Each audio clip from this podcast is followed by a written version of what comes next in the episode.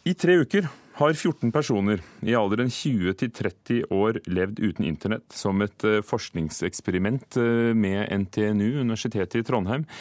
En av konsekvensene var at forsøkskaninene ble mer sosiale og pratet mer med folk rundt seg, og ble kjent med flere nye folk. Og Atle Sveen fra Trondheim, du var med. Hei. Hei, hei. Hvordan opplevde du tiden uten internett?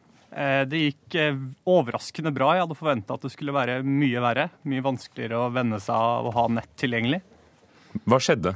Hva var det første du merket? Eh, jeg merka egentlig ikke så mye i begynnelsen, det var det som var det rare. Men så begynte jeg etter hvert å se at jeg kunne sette meg ned med en bok i opptil to-tre timer i strekk. Jeg satt en lørdag og hørte på NRK Alltid nyheter fire timer i strekk. En renessanse for radioen, altså? Ja, det kan du jo si. Eh, hvilke praktiske konsekvenser får det?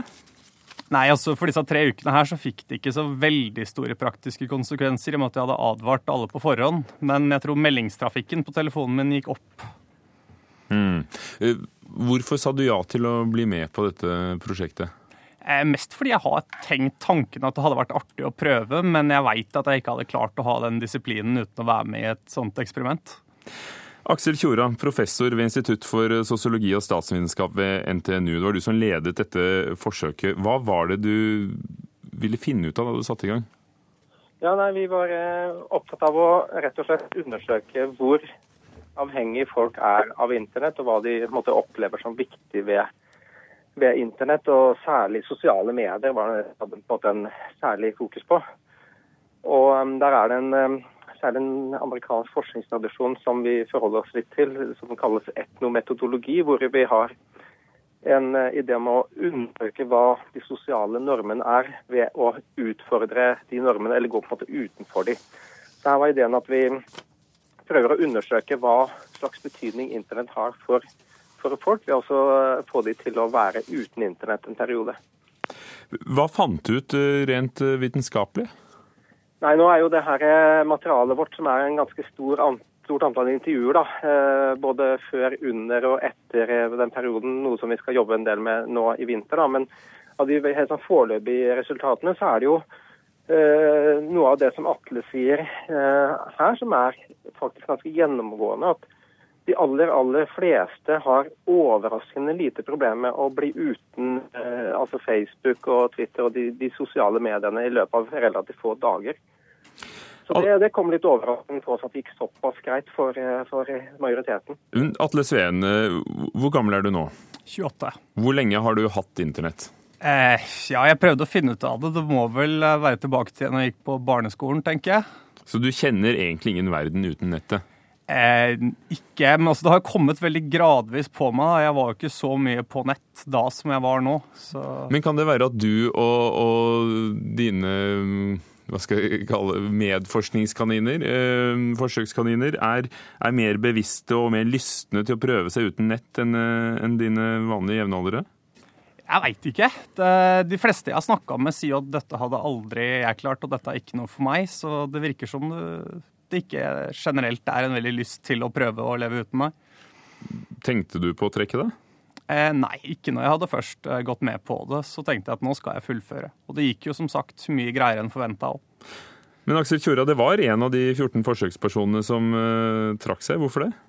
Ja, det var en som trakk seg. Altså, Vi hadde regna med at flere kom til å trekke seg. sånn at vi vi hadde egentlig tenkt å prøve å få med flere enn de vi endte opp med å ta med, fordi vi regner med visst frafall. Men det var én av 14 som trakk seg. og det var det var ei dame som var selvstendig næringsdrivende, og som eh, på en måte Vi hadde håpet å ha noen løsninger sånn at hun kunne gjøre det jobbmessig, men det lot seg ikke gjøre. Så hun fikk ikke sin egen eh, arbeidsplass til å gå rundt uten å være litt mer sånn på nettet. For, for, det er jo nettopp det. altså Internett er jo underholdning og nyheter og sosiale medier og, og, og surfing på, på alt fra voksensider til rubrikkannonser. Men det er jo faktisk også det som er blitt posten på jobben, kommunikasjonen.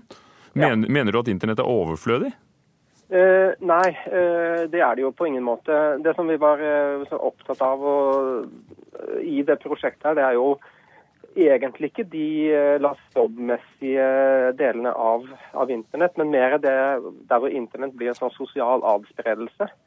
Og Vi gjorde også sånn avtale med enkelte deltakere i prosjektet at hvis det var noen sånn helt spesielle verktøy som man måtte gjøre for å eller bruke for å ha, å si, gjøre, gjøre, jobben eller studiene sine. Så fant vi løsninger for det. Og også, Det var jo mange studenter som var med, og da gjorde vi sånn at de, altså sånne undervisningsressurser som man må ha tilgjengelig underveis, at vi sørga for at det ble gjort tilgjengelig for de altså ved også de papirene underveis. Vi hadde to VIP-plasser som hjalp til å eventuelt få folk til å hjelpe seg med kompiser og sånt.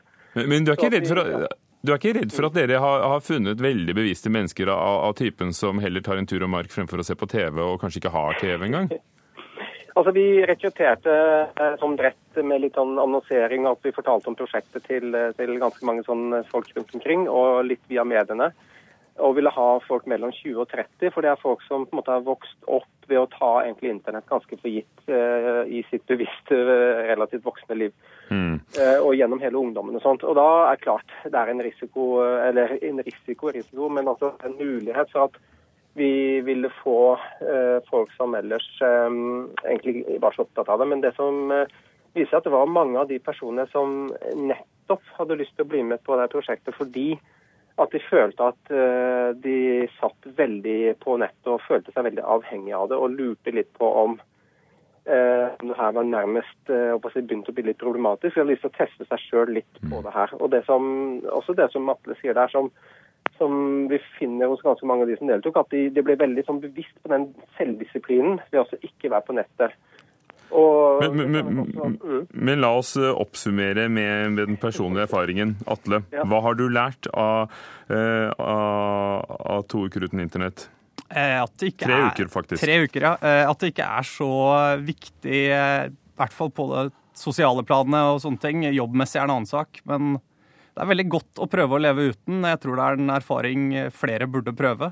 Du ser også på folk og ser hvor mange som sitter med huet nedi en telefon eh, på buss osv. Mm. Eh, og det vil altså føre til Nei, altså Om det fører til så mye det, I samtaler med folk så kan jo folk eh, Jeg merka jo det nå at når jeg snakka med andre når jeg ikke var på nett, så var det ofte at de hadde huet like mye nedi en telefon som å snakke med meg. Takk skal du ha, Atle Sveen fra Trondheim og Aksel Tjora, professor ved Institutt for um, sosiologi og statsvitenskap ved NTNU, og altså Atle som har prøvd å leve uten internett i tre uker.